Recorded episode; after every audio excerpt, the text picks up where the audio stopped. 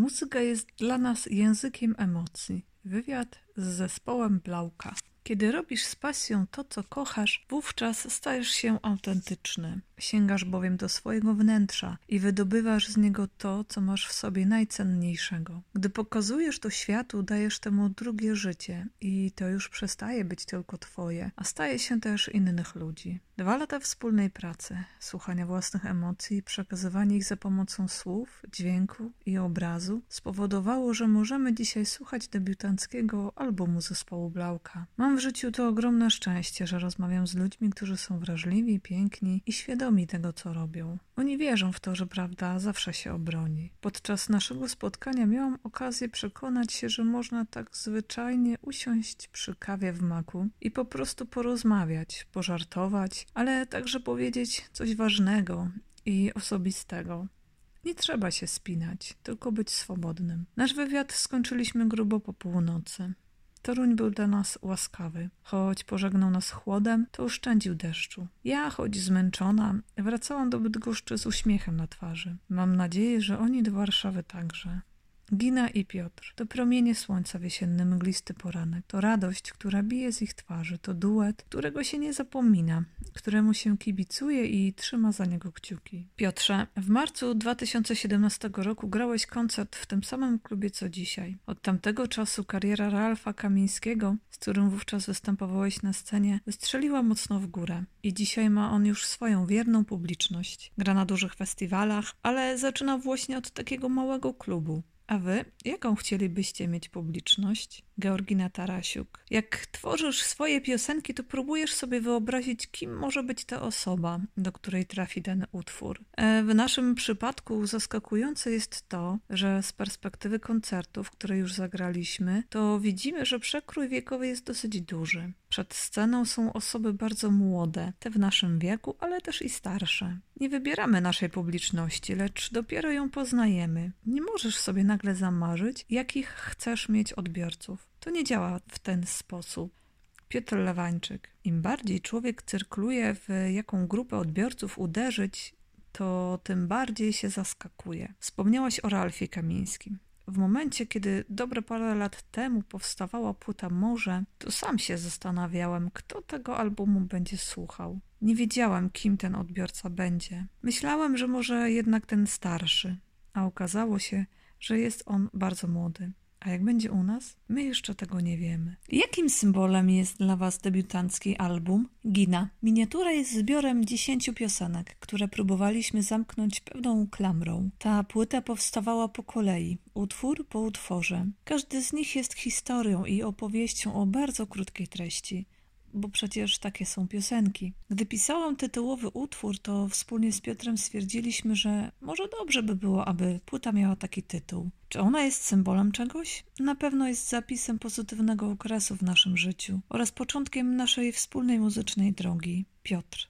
Ta płyta pozwala zobaczyć całość z wyższej perspektywy, gdyż nasze piosenki opowiadają w dużej mierze o życiu. Pamiętam datę premiery waszego albumu. Jechałam wtedy pociągiem do Poznania, a za oknem przymykał mi świat. Ta zmieniająca się przyroda była dla mnie symboliką zmieniającego się życia. Była wtedy mgła, z której przedzierały się pojedyncze promienie słońca, pola mieniły się brązem, a liście drzew złotem i czerwienią. Czy wydanie miniatury we wrześniu było przypadkowe? Dla mnie ta płyta jest bowiem wielobarwną, ciepłą jesienią. Piotr. Podeszliśmy do niej z dużym dystansem, gdyż tak naprawdę to ona powstawała przez dwa lata. Faktycznie, mieliśmy ją wydać trochę wcześniej, ale kiedy ją w całości odsłuchaliśmy, to stwierdziliśmy, że to zdecydowanie nie są letnie piosenki. One są już jesienne. Uważam jednak, że w życiu w ogóle nie ma przypadków. I dlatego miniaturę wydaliśmy we wrześniu. Gina. My teraz widzimy, że ta płyta może mieć bardzo dużo różnych barw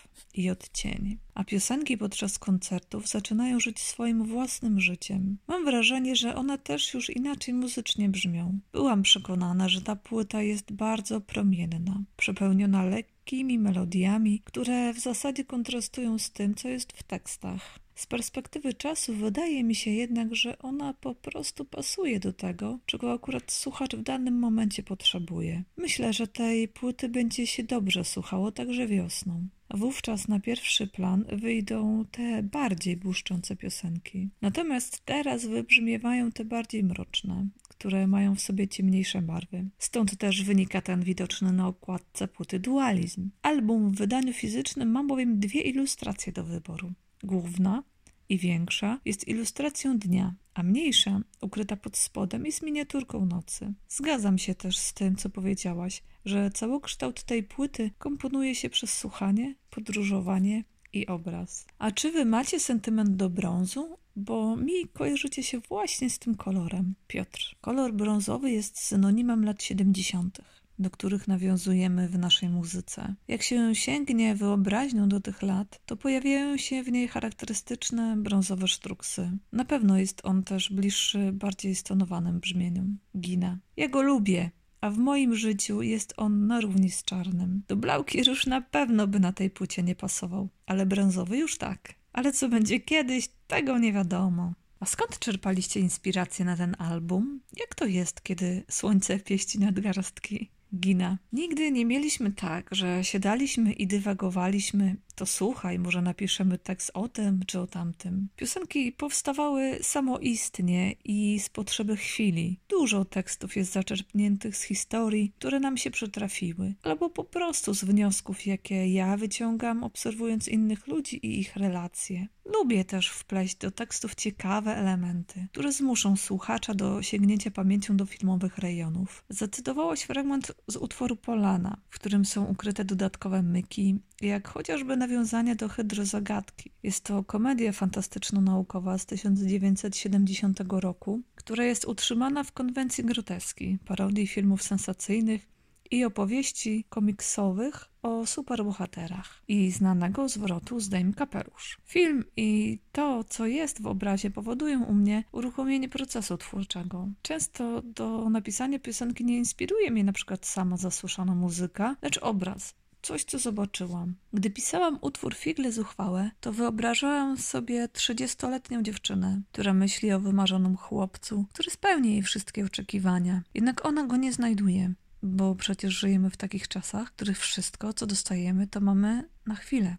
Na już, Piotr. Pozwól, że się wtrącę. Ona finalnie znajduje tego chłopca, ale okazuje się on być po prostu osłem. Kiedy słucha się waszych zapadających w pamięć i niebanalnych tekstów, to do głosu dochodzi imaginacja. Trudno ci się, Gina, je pisało? Mam wrażenie i czuję, że zrobiłam dopiero swój pierwszy krok w pisaniu. I że jeszcze mnie czeka bardzo dużo pracy nad samymi słowami. Miniatura jest zbiorem tekstów, które mnie wówczas wyrażały. Teraz jednak mam już kolejny bagaż opowieści, w którym mogę się dalej rozwinąć i bardzo chcę już robić następną płytę. A tu jeszcze trzeba grać starą. Tak, ale grać te piosenki na żywo to czysta przyjemność. Sposób, w jaki śpiewasz teksty z tej płyty jest bardzo zaczepny, prowokacyjny, wodzicielski. Obok takiego przekazu nie można przejść obojętnie to jest już wasze, ten uśmiech, radość i zachęcenie słuchacza do flirtu. Gina. W naszych utworach jest dużo treści, które wymagają figlarnej interpretacji, której nie da się brać tak do końca na poważnie. Każda piosenka wymaga ode mnie innego podejścia, łącznie z mimiką i gestykulacją. Najwięcej kosztuje mnie jednak zmierzenie się z tymi utworami, które powodowały u mnie łzy, kiedy je pisałam. Okazuje się, że to wcale nie jest tak, że tylko jak za pierwszym razem coś napiszesz, to wywołuje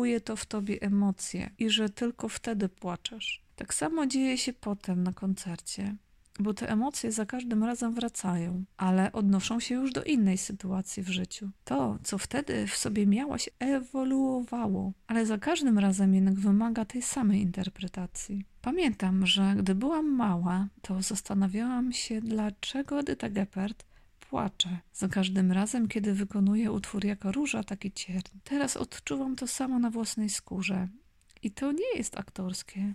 To jest po prostu taka emocja. A skoro rozmawiamy o emocjach, to w kwietniu podczas festiwalu Enea Spring Break w Poznaniu Usłyszałam pierwszy raz wasz bardzo uczuciowy utwór High. Jest to moja ulubiona piosenka z miniatury. Zauważyłam wtedy, że jest ci ciężko go śpiewać. Czy ty przegoniłaś już swoje życiowe demony samotności? Gina. Akurat wtedy miałam ciemniejszy moment w swoim życiu, który wydarzył się krótko przed tym, jak go napisałam. Pamiętam jeden bardzo ciężki i przypłakany wieczór, podczas którego uruchomił się we mnie proces twórczy. Wtedy powstała ta piosenka. Dzisiaj, pomimo tego, że już takich emocji, które wtedy we mnie były, nie ma tak dużo, to jednak one są dalej w uśpieniu. To nie jest tak, że się ich raz na zawsze pozbędziesz. Często brakuje tylko jednego schodka, z którego się potkniesz i nagle czujesz, że lecisz w dół, a one pojawiają się z powrotem. Z tą piosenką jest też coś dziwnego, bo okazało się, że stała się ważna dla wielu osób i zaczęła mieć dla nich znaczenie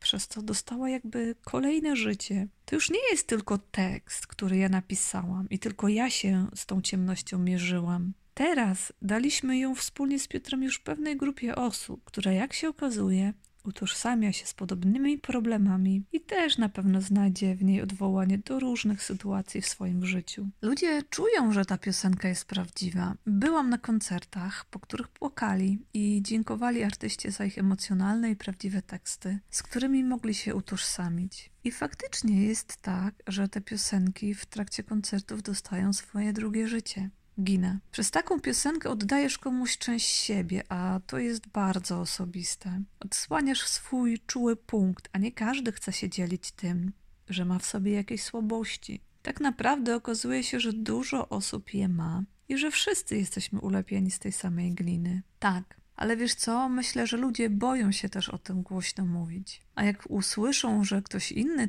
też tak ma jak oni, to jest im raźniej. Gina. Kiedy ktoś jest w stanie zaśpiewać o tym, że ma swoją ciemną stronę, to faktycznie innym ludziom też jest lżej. Na pewno, jak to od kogoś usłyszą, to mogą sobie przynajmniej uświadomić, że nie są z tymi emocjami sami. Czy można powiedzieć, że pisanie piosenek przynosi ulgę? Łzy przecież mogą być symbolem wewnętrznego oczyszczenia. Gina. No pewnie. To jest chwilowe wyrzucenie emocji z siebie. Tak naprawdę pisanie o czymś trudnym działa również w terapeutyczny sposób. Dlaczego w ogóle zapisujemy zapisujemy jakieś swoje trudne, złe emocje w pamiętniku. Przecież nikt ich nawet nigdy nie widzi. Wydaje mi się, że te notatki powstają właśnie po to, żeby się oczyścić z tych trudnych doświadczeń. A czy wy macie takie swoje prywatne miejsce, taki swój własny azyl, w którym słuchacie szumu drzew, albo taki swój domek na plaży? Piotr, ta piosenka powstała głównie dlatego, że takiego miejsca nie mamy. Ten utwór jest obrazem naszej tęsknoty do jego posiadania.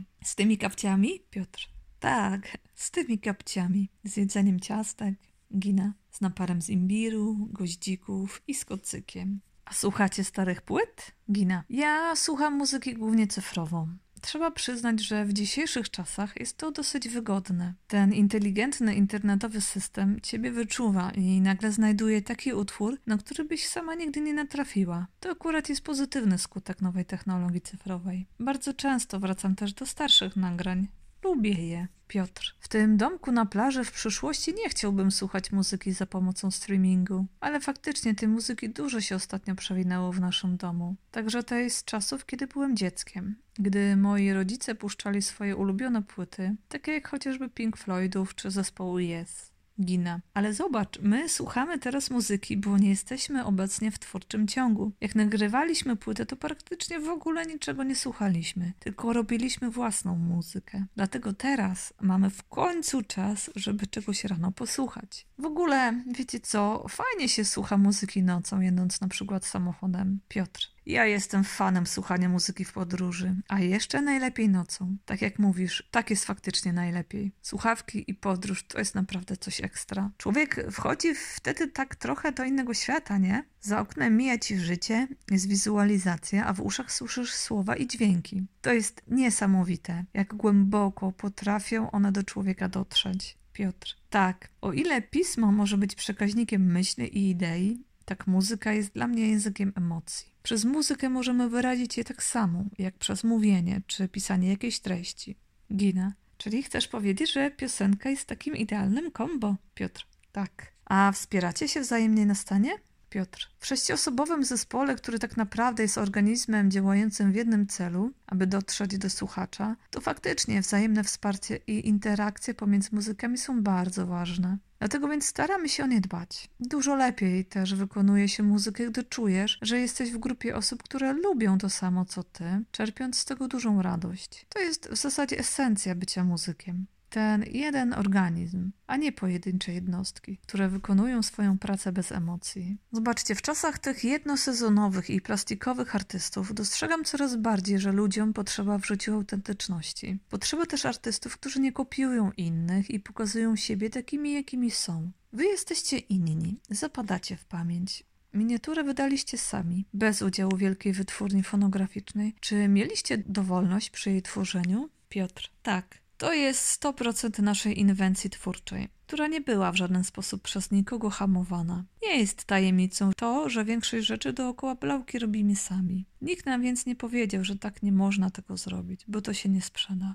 Tak naprawdę to jedynymi stróżami miniatury byliśmy my sami. W naszej pracy jest tak, że Gina jest specem od ładnych melodii, czyli taki min, a ja jestem specem od trudnych harmonii i dysonansów, czyli yang. I to jest nasze kontrastowe połączenie, które pozwoliło nam stworzyć właśnie takie brzmienie. Wielokrotnie podczas tworzenia tej płyty nie byłem pewien, czy do końca odjeżdżając w jakąś stronę nie robimy już kroku za daleko. Finalnie jednak myślę, że nie przesadziliśmy. Gina. Trzeba przyznać, że ten proces, kiedy się pisze, tworzy i nagrywa piosenki, jest najfajniejszy. Jednak przed nami jest jeszcze dużo koncertów do zagrania. Możliwe więc, że granie na żywo uplasuje się u mnie na wyższej pozycji. Piotr. Jak już wchodzimy na temat tworzenia, to rzeczą, która była dla mnie bardzo charakterystyczna, było to, że bardzo często odchodziliśmy od dźwięków, które już gdzieś kiedyś słyszeliśmy. To trochę tak, jakby ustawić GPS-a, który wyznaczy ci najprostszą drogę, jaką masz dojechać od punktu A do punktu B. My, za każdym razem, gdzie można było skręcić i pojechać objazdami, to tak właśnie robiliśmy. Finalnie dlatego ta płyta jest inna niż wszystkie.